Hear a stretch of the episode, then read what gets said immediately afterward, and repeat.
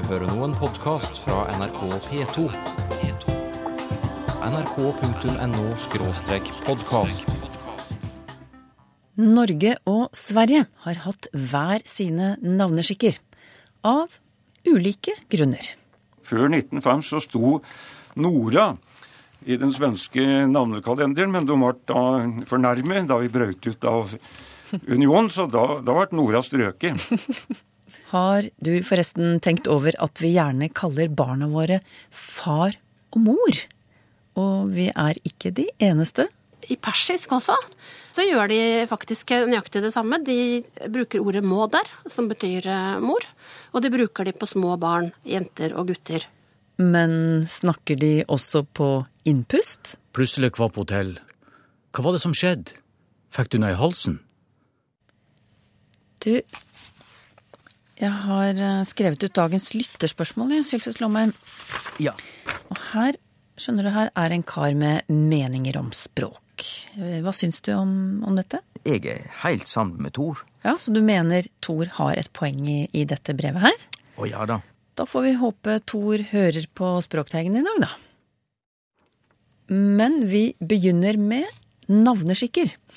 For selv om Norge og Sverige er naboland, så er det store forskjeller i navnetradisjonene våre. Kort fortalt er det nordiske navn som har dominert her til lands, mens svenskene gjerne har valgt utenlandske navn til barna sine. Og dette har du funnet ut, navneforsker Gulbrand Alhaug ved Universitetet i Tromsø. Hvilke navn peker seg ut? Ja da, da kan de regne opp noen, da. Så de nordiske, så hvis vi har eh, mannsnavn som Harald, Knut, Thor, Odd, Magne, Terje og Øyvind. Og tilsvarende på eh, kvinnesida kunne jeg nevne Bjørg, Jorunn, Liv, Randi og Solveig. Så de nordiske navnene her er da svært mye brukt i Norge, men nesten ingenting i Sverige. Nei, for svenskene, som vi nevnte, de gir gjerne barna sine utenlandske navn i denne undersøkelsen din. Og hvilke navn er det som dominerer da? Ja, det, det er navn som kommer fra forskjellige språk. Det, noen går så langt bak som til gresk og latin. altså De er mye brukt som August, Sebastian, Theodor, Urban, Valentin, Viktor og kvinnenavn som Amanda, Doris, Iris, Natalie og Victoria. Og så fra tysk kunne jeg da nevne Bertil, Evald, Evert, Lennart, Wilhelm og kvinnenavn som Ebba og Irma. Det er jo nesten slik at når vi møter en, en i Norge som heter Bertil eller Evald, så, så, eller Evert, så vil vi en gang tro at ja, da har han kanskje svenske foreldre. Sjøl om han kanskje prater norsk, da. Og I tillegg til tysk så kan jeg nevne at uh, i Sverige har de jo en god del fra fransk, altså som Pierre er brukt i Sverige, lite, svært lite i norsk, og kvinnenavn som Charlotte, Sofie, Simonette og Yvonne.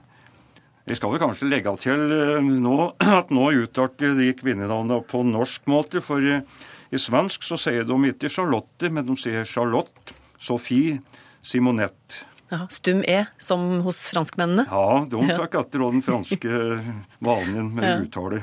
Men du, hvordan forklarer du disse forskjellene? At vi i Norge foretrekker nordiske navn, mens i Sverige står utenlandske navn høyt i kurs?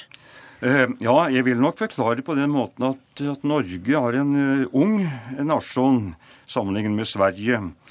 Vi lå under Danmark til 1814 og ble helt frie først i, i 1905. og da hadde vi behov for nasjonale symbol under det vi kaller for nasjonbygginga.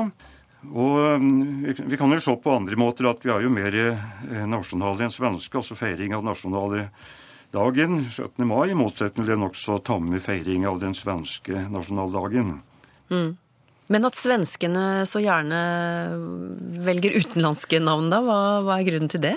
Ja, Det er nok eh, at de har brukt eh, det vi kaller navnekalenderer. navnekalendere. Jeg tror nok det har mye grunn for der finner de mange utenlandske navn. Og når de har fått jente, f.eks., så slår de ofte opp i navnekalenderen da, på, på 17. mai, og da finner de kanskje et, et navn som de syns Ja, det vil vi bruke for å ha født på den 17. mai.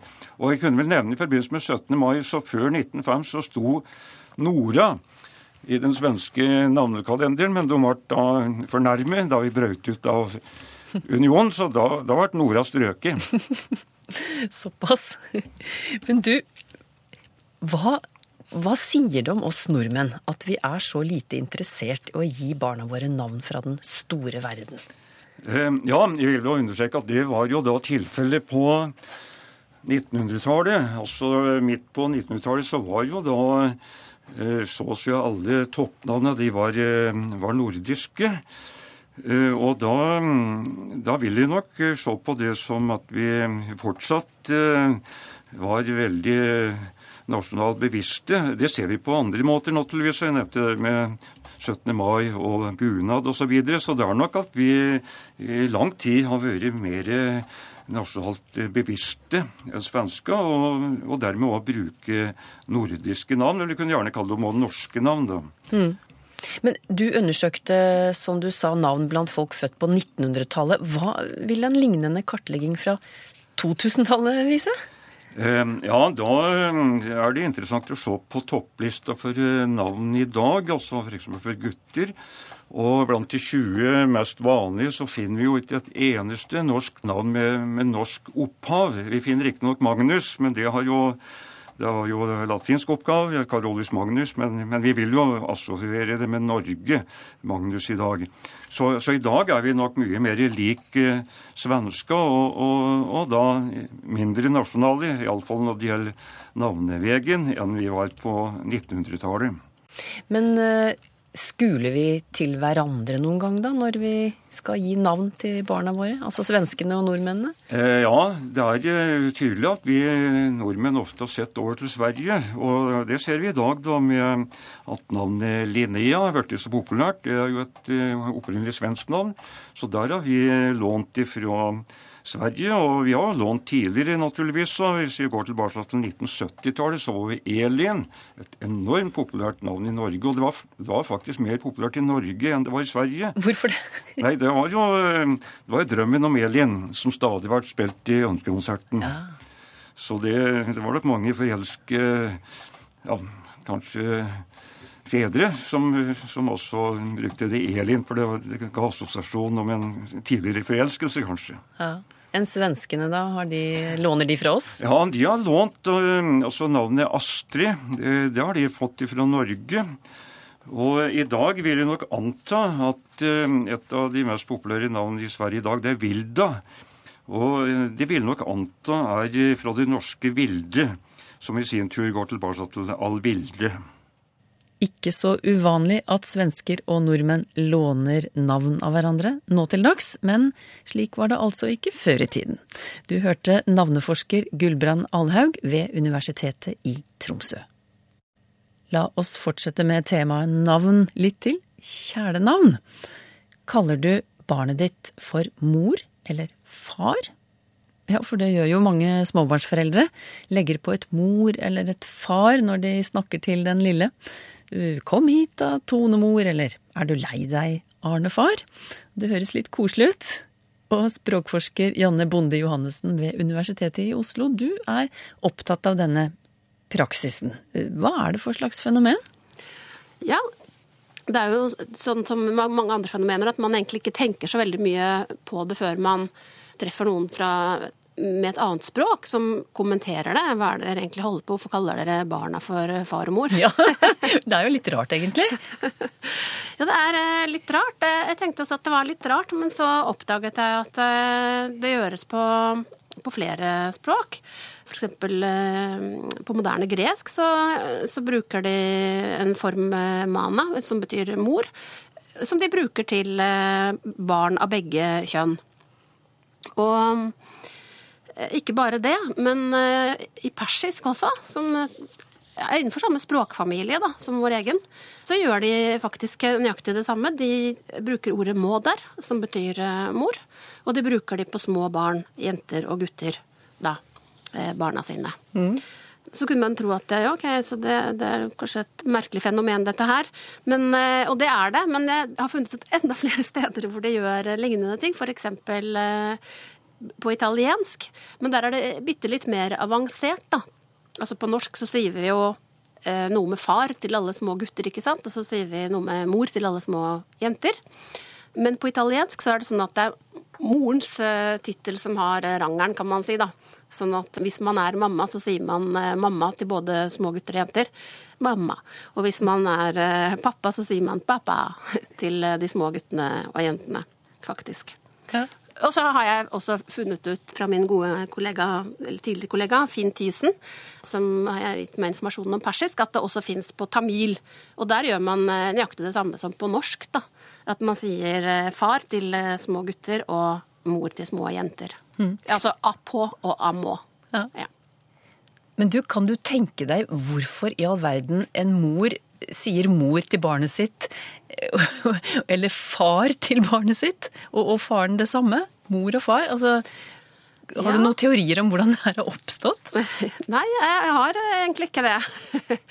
Så mm, altså, bortsett fra Jo, kanskje altså, kom til mamma, kan man jo si. Altså at man bruker kanskje navnet sitt eh, til barna litt oftere enn man bruker navnet sitt til andre mennesker. Og at det kanskje blir noe ja, en slags utvikling via det. Men det jeg godt kunne tenke meg å høre, var om det kanskje var eh, noen som eh, visste hvordan det var Er det flere språk hvor man gjør dette? Mm. Nå har jo jeg funnet gresk og italiensk og persisk og tamil og norsk, da. Er det noen flere? Ja. ja. Herved så sender vi den etterlysningen ut til eh, lytterne. Er det noen flere språk? Kjenner du til noen flere språk der foreldre sier mor og far, eller hekter mor og far på navnet til eh, barna sine. Da kan du skrive en e-post til teigen krøllalfa nrk.no. Vi er ikke alltid like oppmerksomme på hvordan vi snakker. Det skulle bare mangle, men folk som prøver å lære seg norsk, de legger nok ekstra merke til både ordbruken vår og uttalen. Og da kan det hende de oppdager språklige merkverdigheter, som språkforsker Olaf Husby forteller i denne historien. For noen år siden satt jeg og drakk kaffe i lag med en student fra Ghana. Plutselig kvapp på hotell, stirra på meg og spurte hva var det som skjedde, fikk du noe i halsen? Jeg skjønte ingenting. Studenten hadde vært i Norge noen måneder, og hun mestra norsk godt nok til å fortelle om livet i Ghana. Jeg satt og hørte på og svarte ja, jau, nei og mm, sånn som man gjør når man følger med. Og det var da det skjedde. Et av mine ja var sagt på innpust. Jeg trakk pusten og sa samtidig ja. Det var det som fikk henne til å tro at jeg hadde fått noe i halsen. Snakk skjer vanligvis på utpust. Når man puster inn, så er det stille. Det her ser ut til å gjelde for de fleste språk i verden, men ikke for norsk og noen andre nordeuropeiske språk.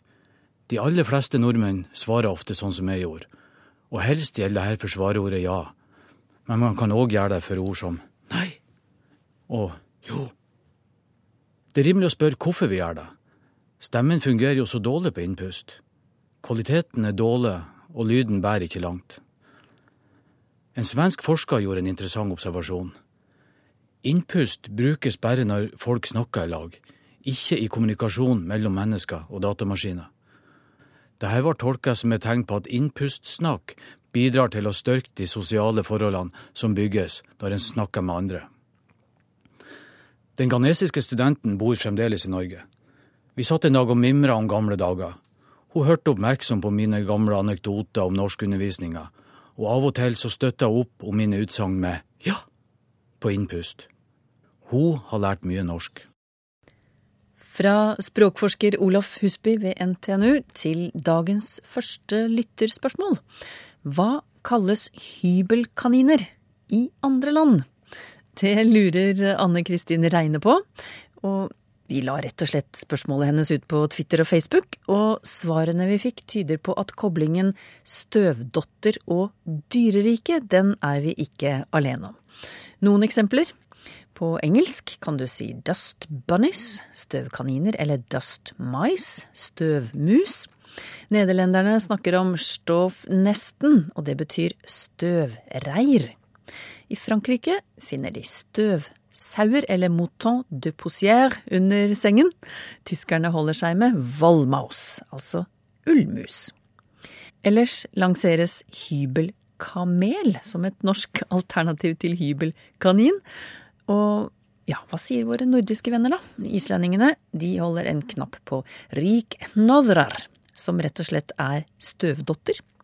Finnene villa koiria, eller pudler, og på dansk nulla menn, som ifølge min danske kilde rett og slett er et nonsensord for støvdotter. Svenskene sier damrotta, støvrotte. Det låter litt skummelt. Damrotta, det får nesten hybelkanin til å høres ut som et koselig kjæledyr.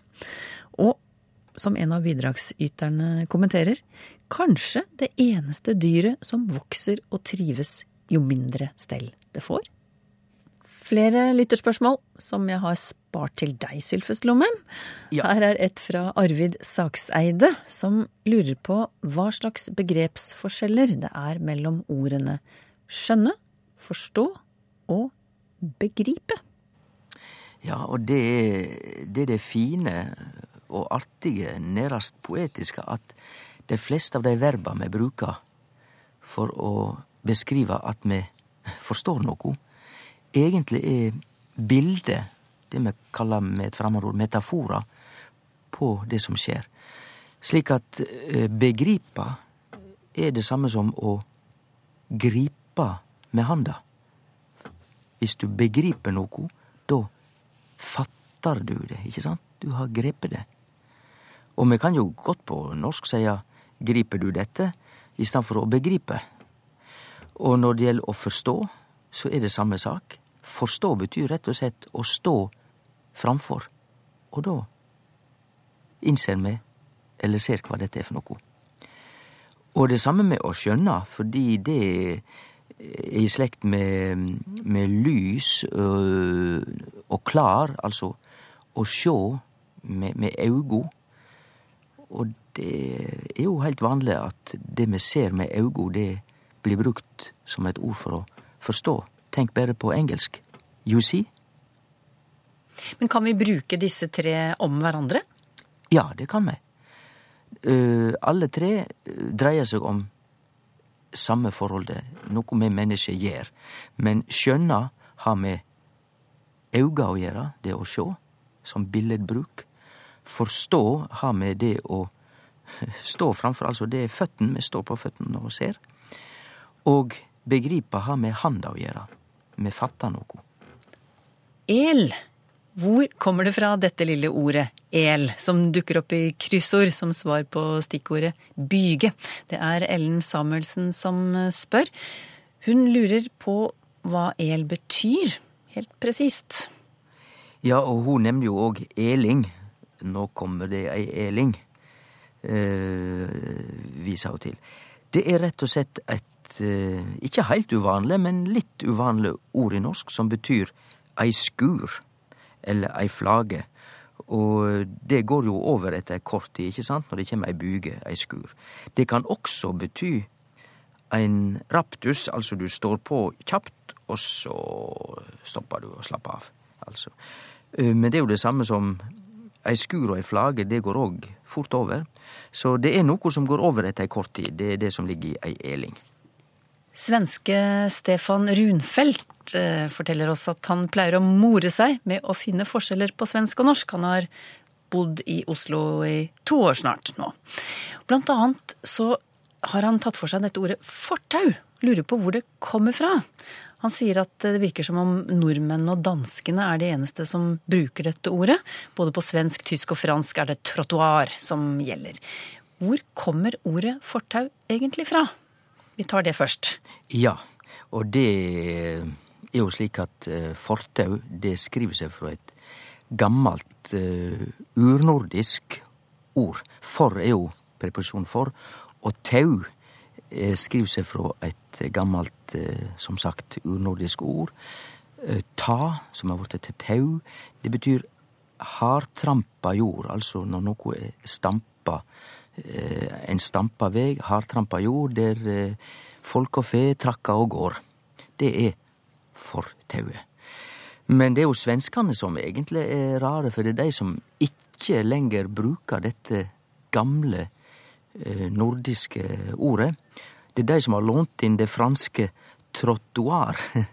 Fordi det er da ikke nordisk i det hele tatt. Det kommer fra et fransk verb, trotte, som tyder å gå eller å, å trava, Og de tok dette inn sikkert på 1600-tallet, for da hadde de veldig mye kontakt med det franske språket. Ja, og da må jeg bare få skyte inn, der er vi i grunnen inne på det han også lurer på. Hvorfor fins det flere franske ord i svensk enn det gjør i norsk?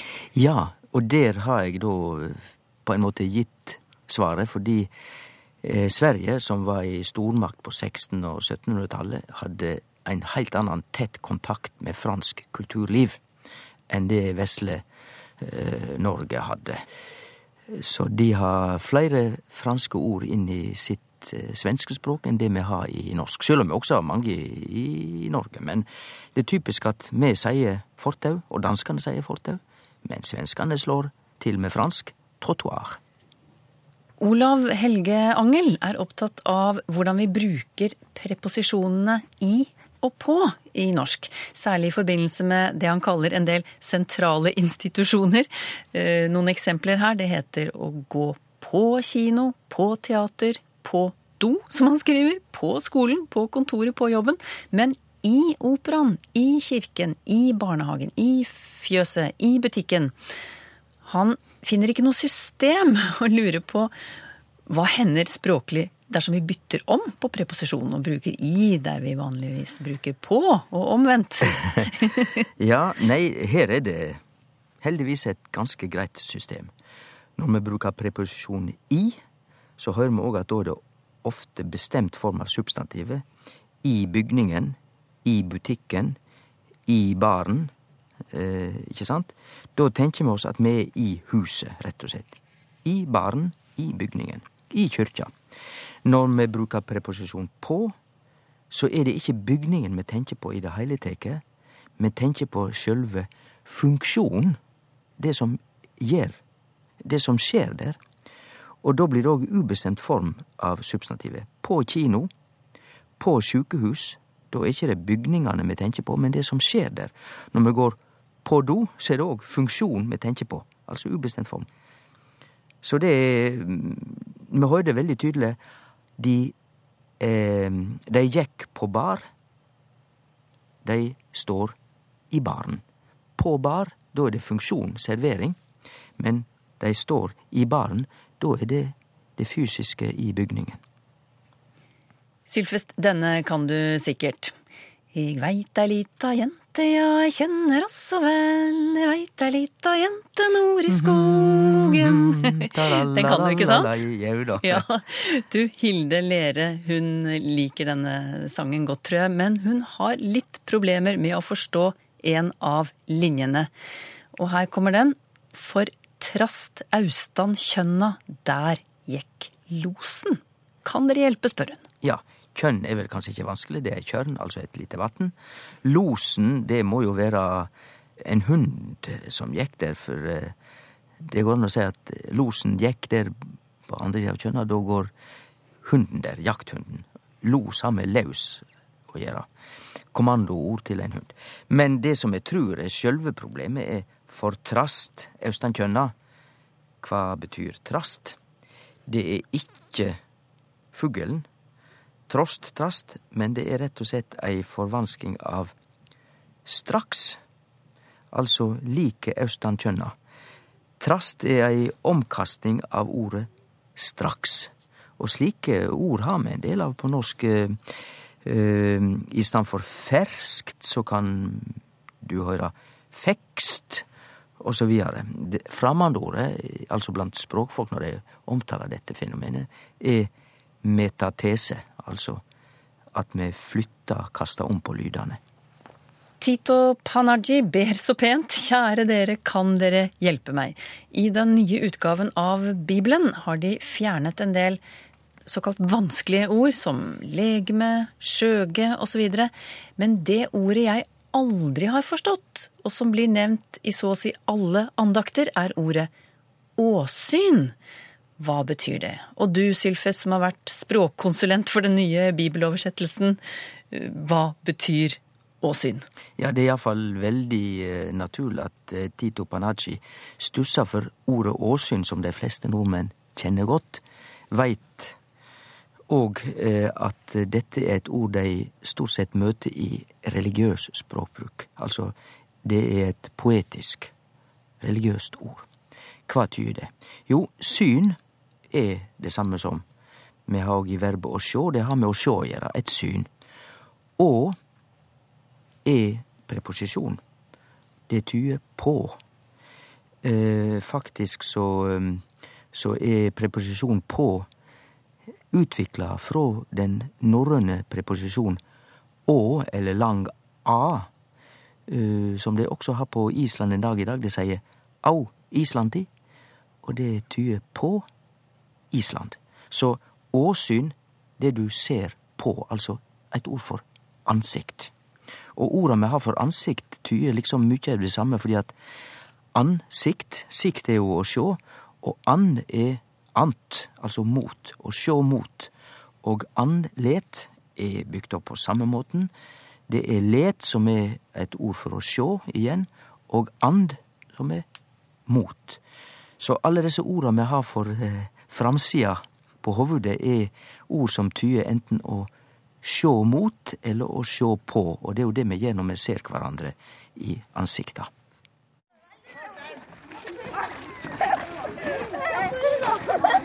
I neste sending møter du unge språkforskere fra Meråker i Nord-Trøndelag.